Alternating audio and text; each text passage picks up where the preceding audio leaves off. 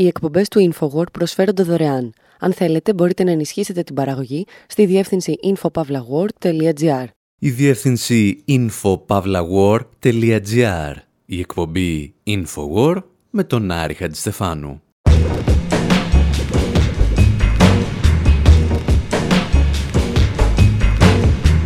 όπου σήμερα γιορτάζουμε μισό αιώνα από τη γέννηση της hip-hop μουσικής σκηνής. Αντί να μιλήσουμε όμως για τους καλλιτέχνες της hip-hop, σκεφτήκαμε να εξετάσουμε τις συνθήκες στις οποίες δημιούργησαν ένα μουσικό ρεύμα που σήμερα έχει κυριαρχήσει σε ολόκληρο τον πλανήτη. Παρακολουθούμε το νότιο Bronx να φλέγεται σαν τη βηρητό και αναρωτιόμαστε πόσο πιθανό είναι να βάλει κάποιος φωτιά στο σπίτι του. Θυμόμαστε ότι πριν από περίπου έναν αιώνα κάποιος είχε τραβήξει μια κόκκινη γραμμή στο χάρτη του Μανχάταν και αυτή η γραμμή καταδίκασε εκατομμύρια ανθρώπους σε φρικτές συνθήκες διαβίωσης μέχρι και σήμερα. Και ύστερα αλλάζουμε ήπειρο χωρίς να αλλάζουμε θέμα. Θυμόμαστε μια παλιά ιστορία σύμφωνα με την οποία πατέρας της hip hop ήταν ο Μπέρτολ Μπρέχτ. Γεγονός το οποίο αν δεν μας βοηθά να κατανοήσουμε καλύτερα τι ραπ, σίγουρα μας βοηθά να γνωρίσουμε λίγο καλύτερα τον Μπρέχτ.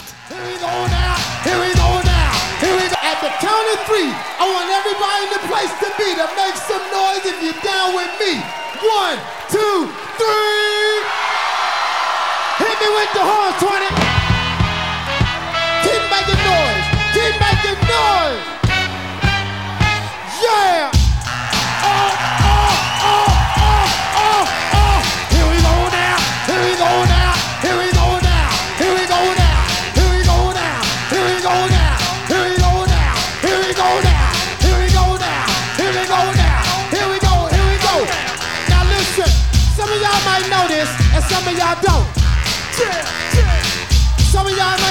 Might get witness, and some of y'all won't. But listen, let me clear my throat.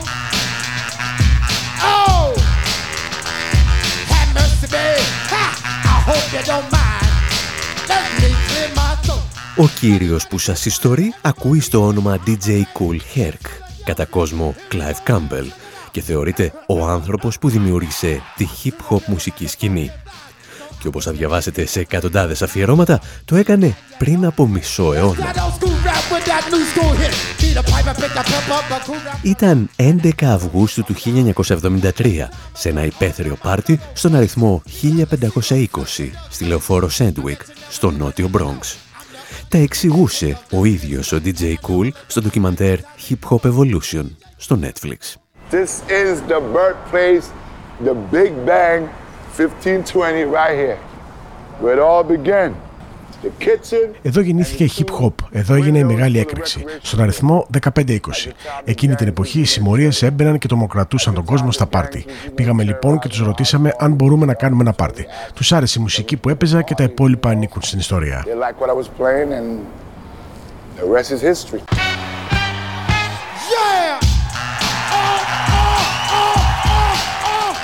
Σε εκείνο το πάρτι, ο DJ Cool θέλησε να παρουσιάσει μια περίεργη ιδέα πάνω στην οποία δούλευε το τελευταίο διάστημα. Έστησε δύο pick-up, το ένα δίπλα στο άλλο, και τοποθέτησε δύο πανομοιότυπους δίσκους. Έτσι μπορούσε να απομονώσει και να παίζει συνεχώς μόνο τα break των τραγουδιών. Όπου break είναι το σύντομο πέρασμα ανάμεσα στο κουπλέ και το ρεφρέν, όπου όλα σταματούν και ακούγονται μόνο τα κρουστά.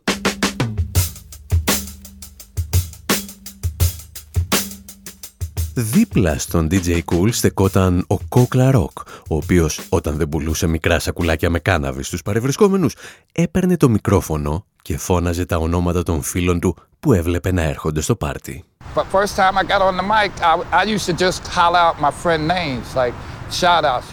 Σύντομα άρχισε να λέει λίγο μεγαλύτερες ιστορίες και η hip-hop μουσική είχε μόλις γεννηθεί. As long as the music's not stopping, the rocks are dropping, the champagne is flowing, the freaks will be going. Hotel, motel, you don't tell, we don't tell.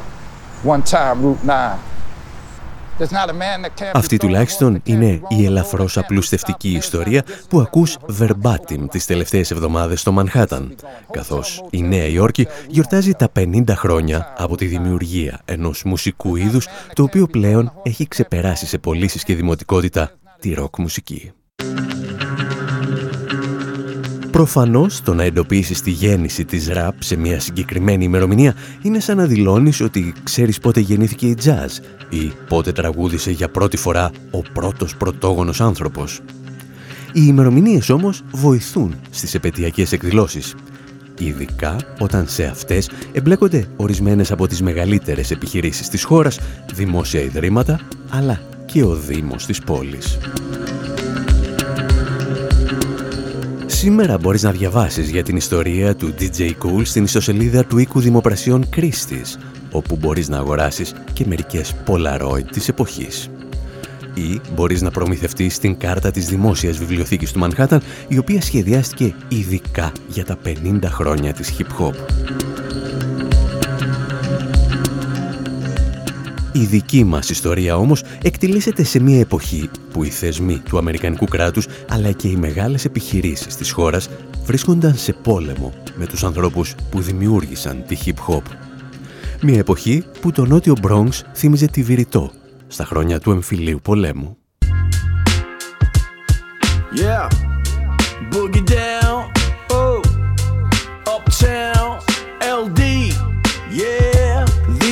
My stomping grounds. Raised a poor child from a pawn to a king. Where I lay my tracks down, boogie down. This is where my go horse sings. These be my stomping grounds. Raised a poor child from a pawn to a king. Where I lay my tracks down, boogie down. This is where my go hard sings. I am the BX. I am truly a Bronx tale. Don't get my nomadic trail, laying my head across five boroughs, confused with this. Boogie down is where I hang my heart. From the brick face walls of Morris Projects to Katona Park. It's not perfect because it's not God, but God knows this is where she places hope to be born. Struggle balanced by big dreams. Even the minds of psychedelic hustlers explode with grand schemes. My homie Ilion says, on the top of some buildings, you can find 5 chillin' ready to get you pop. True, but it's also the birthplace of hip hop, the original school of hard knocks, where Cool Herc, BDP, and Soul Sonic Planet Rock. This is where Tila Rock shouted, It's yours. Ο Ελ Νταβίτ μας ξαναγεί στη γειτονιά του στο νότιο Μπρόγκς. Μια περιοχή που όπως λέει δεν είναι τέλεια γιατί δεν είναι θεός. Είναι όμως η περιοχή όπου γεννήθηκε η hip hop από ανθρώπους όπως ο DJ Cool. Ήταν επίσης μια γειτονιά που κεγόταν. Εδώ ο Ελ Νταβίντ δεν μιλά μεταφορικά. Η φράση «το Bronx καίγεται» δημιουργήθηκε στις αρχές της δεκαετίας του 70, όταν στη συγκεκριμένη περιοχή ξεσπούσαν οι περισσότερες πυρκαγιές σε πολυκατοικίες από οποιοδήποτε άλλο σημείο των Ηνωμένων Πολιτειών. Ενδεχομένως και από οποιοδήποτε άλλο σημείο του πλανήτη. Το BBC μάλιστα έστελνε τους δημοσιογράφους του να καλύψουν το γεγονός σχεδόν όπως θα το έκαναν και σε μια βομβαρδιζόμενη πόλη.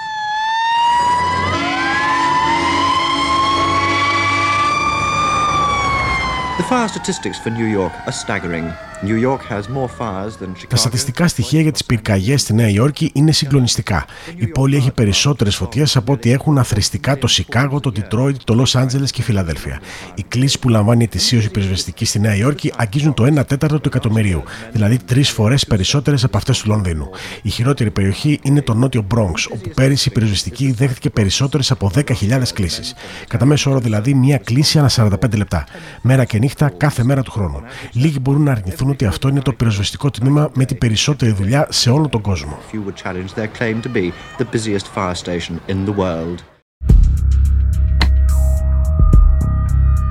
Οι συνάδελφοι του BBC είχαν απόλυτο δίκιο, αλλά το σημείο που λένε ότι οι πυροσβέστες του Bronx είχαν την περισσότερη δουλειά στον πλανήτη επιδέχεται πολλές και διαφορετικές ερμηνείες.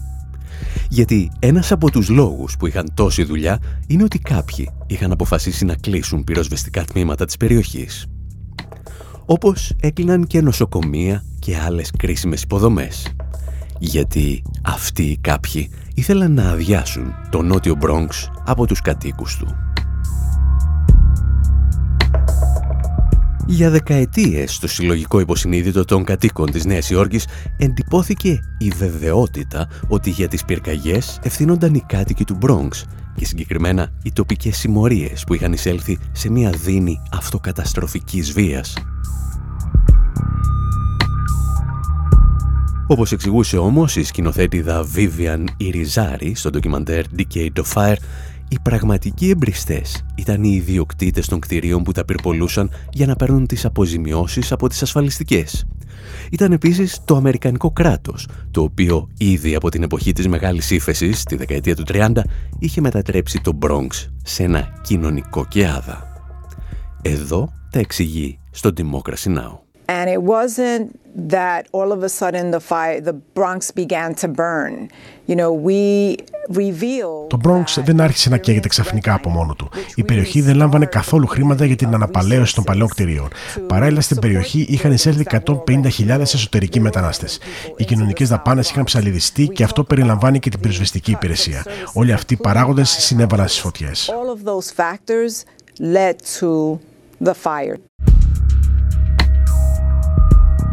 Ο λόγος για τον οποίο το νότιο Μπρόγκς εγκαταλείφθηκε στην τύχη του σχετίζεται με μια κόκκινη γραμμή που τράβηξε σε ένα χάρτη ένας Αμερικανός αξιωματούχος τη δεκαετία του 1930, την εποχή της Μεγάλης Ήφεσης.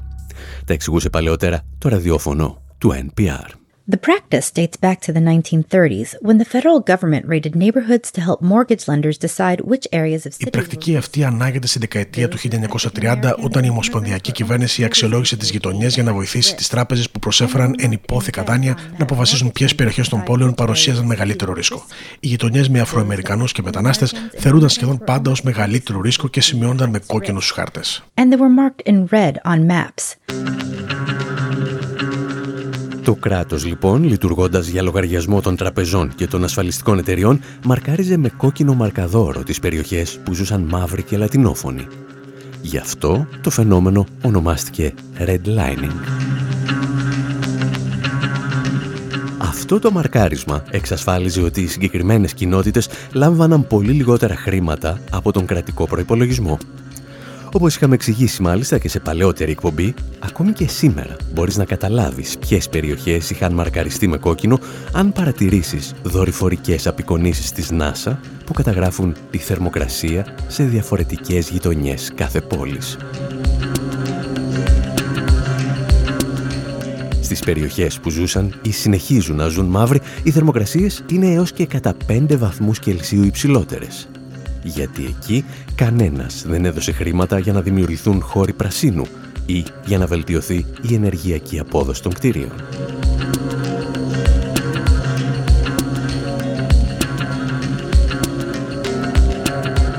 Το νότιο Μπρόγκς λοιπόν είχε κυκλωθεί με κόκκινο μαρκαδόρο από τη δεκαετία του 30 για σχεδόν 40 χρόνια όμως κατάφερνε να κρύβει τις πληγές του, καθώς η Αμερική ζούσε το μεταπολεμικό όνειρο της συνεχούς οικονομικής ανάπτυξης.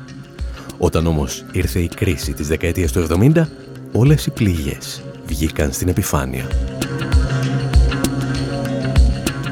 Και ήταν σε αυτές τις συνθήκες ταξικού πολέμου που δημιουργήθηκε η hip-hop κουλτούρα γενικότερα και η hip-hop μουσική ειδικότερα.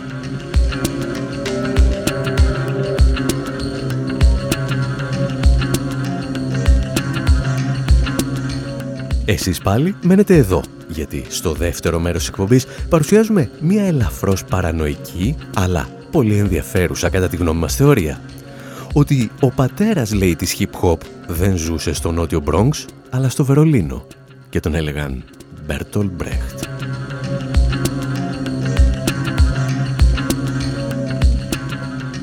Οι εκπομπές του InfoWord προσφέρονται δωρεάν. Αν θέλετε, μπορείτε να ενισχύσετε την παραγωγή στη διεύθυνση infopavlagor.gr.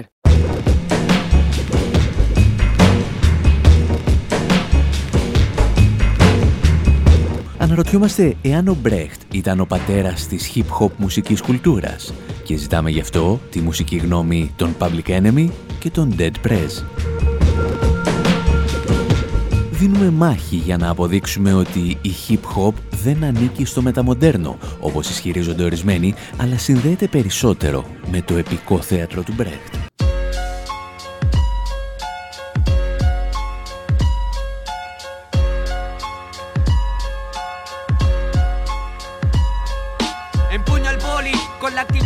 Chanta Gritando verdades altas No infravalores mi garganta. Más dar al blanco y menos blanca No es rap para bailar Es pa' que destronemos a la infanta. En esa pared pone los borbones a los tiburones. Parece que sea la propia realidad quien mis canciones compone. Mientras se mofan del pueblo entre millones Un día le pedirán a comandos que la vida les perdonen Oye, no me hables de vacaciones en Panamá Estoy pensando en pum, pum como Albert Pla Más pensar en luchar menos encerrarse en casa Mientras gilipollas por ser feminista te llaman Sarasa donde adolescentes planean meterse en mujeres y hombres. La ignorancia que el sistema difunde es enorme.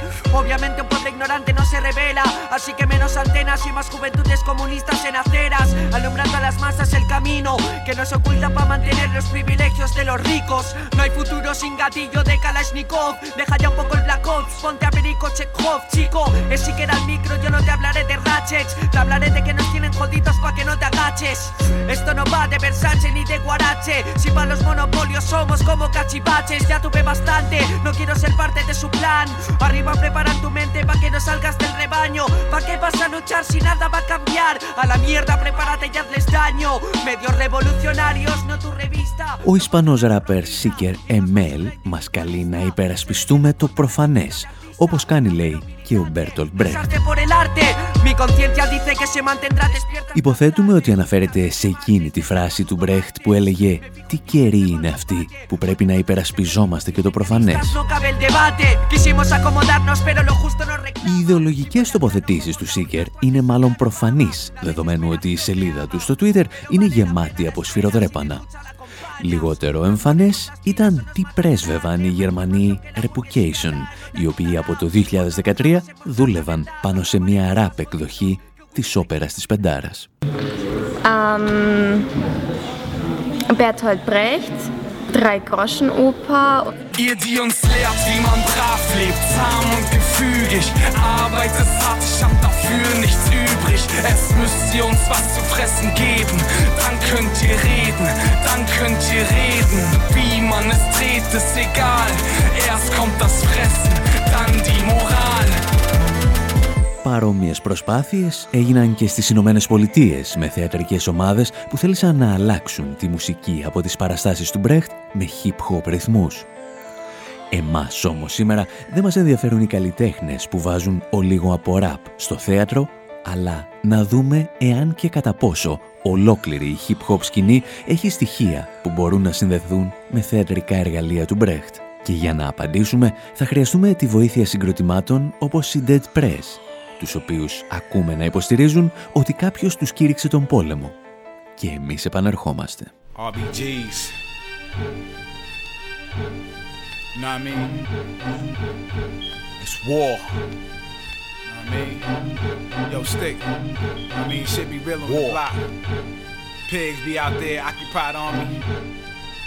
RBGs, it's a takeover, not a makeover. Yeah. The cops stop you just because you black, that's war. Run you through the system for your prints, that's war. When they call my hood a drug zone, that's war. Slum lord charging you for rent, that's war. Why they so rich and we poor, that's war. If you young and black, you sell crack, that's war. The White House is the rock house, that's war. George Bush coming out his mouth, that's war. Chilling on the corner with your gang, that's war. Popo do the same damn thing, that's war. When they murdered I'ma do the yellow, that's war. Marching in the streets is a strategy of war. Knowing self-defense is a strategy of war. Soldiers try to link with other soldiers in the war. Revolutionaries got to know the art of war. War, what about hip hop? Use that. Matter of fact, fuck a rap battle. What about a gap battle? Let's take it to the beast and see which cat tattle. Is it Kiss versus Beans or P versus Hove? What about y'all real niggas against the 5 This is M1 DPs, don't you forget. Cause you can talk, talk, talk, but that don't mean shit. I ain't gotta pop your top to see where your brains went. This rap shit is way bigger than entertainment. It's the people versus the pigs when it all go down. It's not pop versus big, it's who's getting the power. And power ain't money, dog, it's self determination. Like taking hot and making it the real people station that's war. Know what I mean? Όταν οι μπάτσι με σταματάνε μόνο επειδή είμαι μαύρος, αυτό είναι πόλεμος. Όταν είναι αυτοί πλούσιοι και εμείς τόσο φτωχοί, αυτός είναι πόλεμος, τραγουδούν οι Dead Press και συνεχίζουν. Και όταν διαδηλώνει στους δρόμους, είναι πόλεμος και οι επαναστάτες πρέπει να γνωρίζουν την τέχνη του πολέμου. WRBG People's Radio, turn off the radio, turn off that bullshit.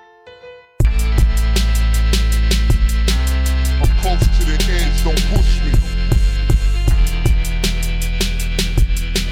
I'm close to the edge, don't push me. Οι Dead Press συμπλήρωσαν πέρυσι δύο δεκαετίες ύπαρξης και όπως διαβάζει κανείς ακόμη και στην Wikipedia έγιναν γνωστοί για τους σοσιαλιστικούς τους λέει στίχους Επίσης, την στήριξη σε οργανώσεις όπως οι Μαύροι Πάνθυρες και την αντίθεσή τους στα συμφέροντα των μεγάλων δισκογραφικών. Ο λόγος όμως που εμείς τους επιλέξαμε είναι ελαφρώς διαφορετικός.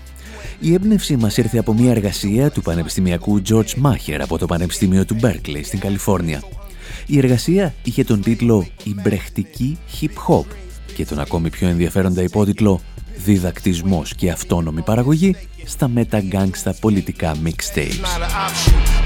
Και όποιος κατάλαβε, κατάλαβε.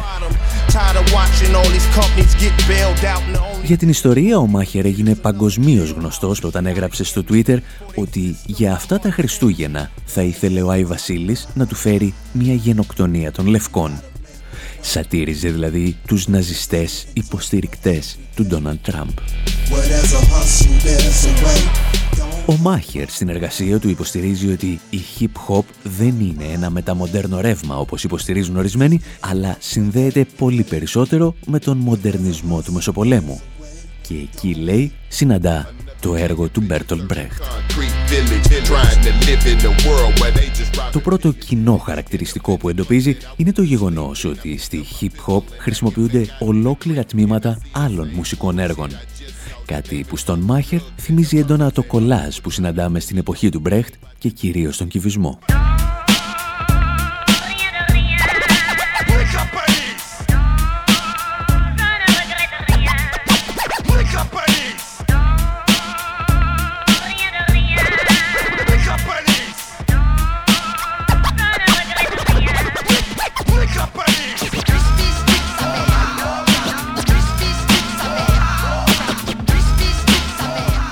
Στο σημείο αυτό υποθέτουμε ότι η δημιουργική σύνθεση παλαιότερων έργων από τη hip-hop θα ενθουσίαζε τον Μπέρτολ Μπρέχτ. Όπως έλεγε άλλωστε και ο ίδιος, ο καθένας μπορεί να είναι δημιουργικός. Η πραγματική πρόκληση είναι πώς να χρησιμοποιήσεις τη δουλειά των άλλων. Όπως έκανε και ο Πικάσο ή ο Μπρακ, η hip-hop αποκαθιλώνει τον μοναχικό καλλιτέχνη που παίρνει χαρακτηριστικά ήρωα. Τον αναγκάζει να συνθέσει στοιχεία άλλων και μέσα από αυτά να δημιουργήσει ένα νέο μουσικό κομμάτι. Και φυσικά η κατάσταση δεν θα μπορούσε να είναι διαφορετική. Ένας από τους λόγους άλλωστε που δημιουργήθηκε η hip-hop με τη μορφή που τη γνωρίζουμε είναι ότι δεκάδες νεαροί καλλιτέχνες στα γκέτο των Αμερικανικών μεγαλοπόλων δεν είχαν πρόσβαση σε μουσικά όργανα. Και ένας λόγος γι' αυτό ήταν οι περικοπές στη δημόσια εκπαίδευση που ξεκίνησαν με το νεοφιλελεύθερο κύμα της δεκαετίας του 80. Το μόνο που μπορούσαν λοιπόν να κάνουν ήταν να ανασυνθέτουν προηχογραφημένους ήχους που έβρισκαν σε διαφημίσεις, σε ηλεκτρονικά παιχνίδια, αλλά και σε έτοιμα κομμάτια.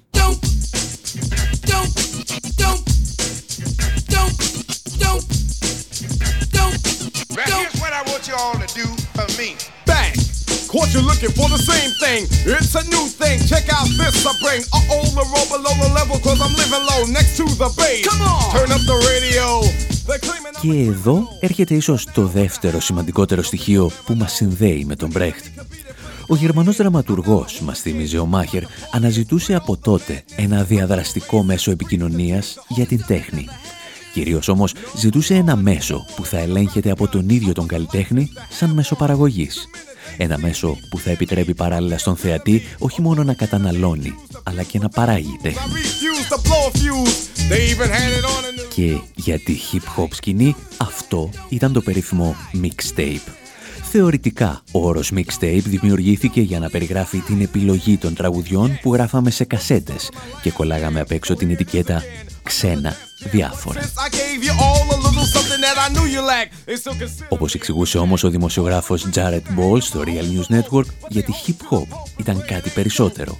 Ήταν το μέσο παραγωγής. Now we know that the idea of, the, of people arranging on a cassette tape for personal use like road trips, parties or trying Τώρα γνωρίζουμε ότι η ιδέα του να βάζεις κομμάτια σε μια κασέτα για προσωπική χρήση, για να ακούς το αυτοκίνητο, σε πάρτι ή για να εντυπωσιάσεις κάποιον που αγαπάς ήταν διαδεδομένη πριν από τη hip hop. Αλλά για τη hip hop το mixtape έχει τη δική του ιστορία και λειτουργία. Το mixtape ήταν, όπως είχε πει κάποτε η Angela Arts, το πρώτο μέσο μαζικής επικοινωνίας της hip hop. Άλλοι έχουν επισημάνει ότι χωρίς το mixtape δεν θα είχε υπάρξει ποτέ η βιομηχανία βιομηχανία της ραπ, εντοπίζοντας εδώ και μια αντίφαση. Όλοι υποστήριξαν ότι το mixtape μπορεί να είναι ένα μέσο αντικαθεστωτικής επικοινωνίας.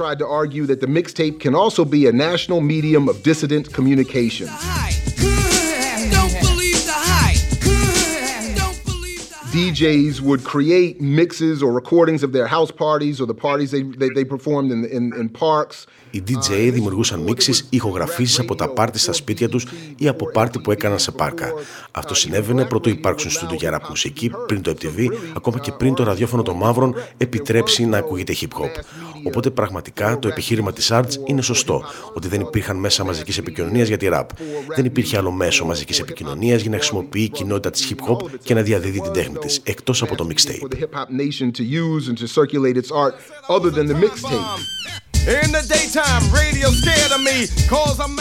Και αν εσείς πιστεύετε ότι ο Μπρέχτ δεν θα ενθουσιαζόταν με αυτό το πέρασμα των κοινωνικών και οικονομικών σχέσεων στην τέχνη, αλλά και στην προσπάθεια ελέγχου των μέσων παραγωγής από τον καλλιτέχνη, ακούστε λίγο ακόμα Dead Press να συνέλθετε και επανερχόμαστε.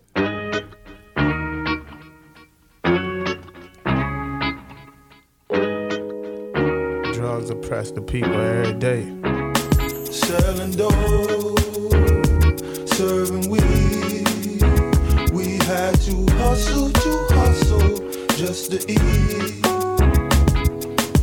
whole no hope in the streets. You broke, you sell dope. All my young niggas outside hustling coke. Know the drama. If you ain't selling crack, then it's ganja. I've been through it, done. Hitting niggas two for one, pulling guns out and busting my shits too. What? I ain't give a fuck. I used to get a rush when I bust mine. Bagging up my nickels and dime. Going through difficult time. Writing my life story in rhyme. But when I look at all the niggas they hit with mad time. In proportion to the big kingpins, it don't fit. You could get caught with barely a half a slab. And the judge sentence you like you ran the app. I ain't plan to get rich from selling that shit. It was survival. My game plan was not to get knocked by 5 but who am I? Just a young nigga caught in the mix. And if this weed don't sell, I'ma cop me a brick. Selling dope, serving weed.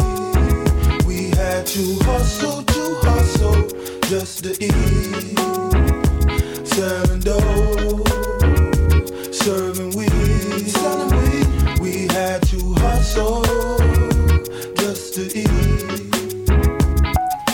been a minute since I've been in the game. Some years back, I held crack, I couldn't say the same thing. Ask my nigga Bang Double in Raleigh. We was trouble, got the fiend spot, bubbling hot. We wouldn't never make a lot, I mean, not like Scarface or Nino Brown or George Bush. No matter what you pushed, it was politics and camera tricks, very deceptive. Criminalize us and fooling the collective for the most part. We don't know no boats and planes, we just copy from Poppy, bag it in the cellophane. It's a family thing, you got to hustle all night. Yo, I seen fiends losing their brains for hard white. Ask my aunt and my brother and my stressed out mother how realistic it gets. It's sadistic. Statistics show us sick how we living. The one thing bigger than dope games is prisons. One million niggas inside. Over three million is tied. But the president lied because the White House is the rock house. Uncle Sam the pusher man. This is for my people on the island.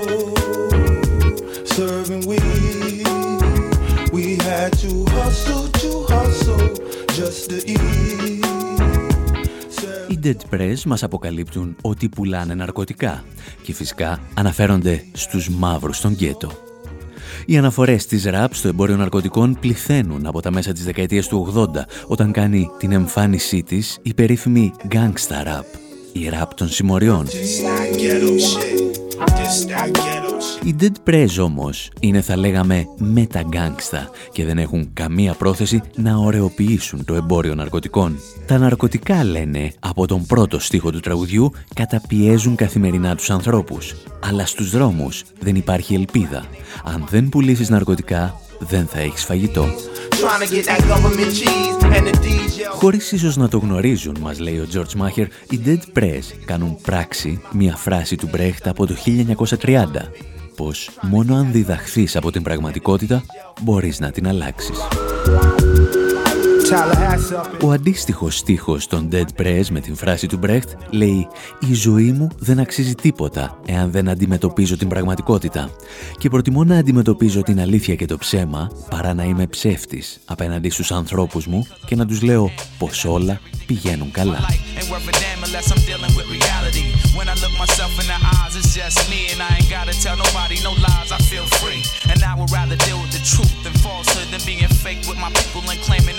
Good. You can't run away from yourself, so that's useless. If your word is bond, then you don't have to make excuses. Every time I look around. Όπως και στο προηγούμενο κομμάτι για τα ναρκωτικά, οι Dead Press κατανοούν απόλυτα τις καταστροφικές συνέπειες που έχουν τα ναρκωτικά για την κοινότητά τους. Κατανοούν όμως και τους νεαρούς μαύρους που συμμετέχουν στα κυκλώματα εμπορίας γιατί δεν έχουν άλλη επιλογή. Ίσως οι δικοί τους ήρωες να θυμίζουν την μάνα κουράγιο του Μπρέχτ. Γνώριζε και αυτή ότι ο πόλεμος σκοτώνει τα παιδιά της, αλλά ζητούσε τη συνέχισή του γιατί αυτό ήταν το μοναδικό μέσο επιβίωσης που διέθετε. Ο Μπρέχτ δεν μας ζητούσε να ταυτιστούμε με την πρωταγωνίστρια. Αντιθέτως, έκανε ό,τι περνούσε από το χέρι του για να κρατήσουμε αποστάσεις από αυτήν. Όπως και οι Dead Press. Δεν μας ζητούν να δικαιολογήσουμε όσους πουλούν ναρκωτικά στα γκέτο, μόνο να κατανοήσουμε τις πολιτικές και κυρίως οικονομικές συνθήκες που τους οδηγούν εκεί. Οι Dead Press λοιπόν απορρίπτουν την Gangsta Rap η οποία με τη σειρά της είχε αρνηθεί τον πολιτικό στίχο των πρώτων hip-hop τραγουδιών. Είναι και αυτό, αν θέλετε, μια μορφή από αυτό που στον διαλεκτικό ελισμό θα αποκαλούσαμε άρνηση της άρνησης.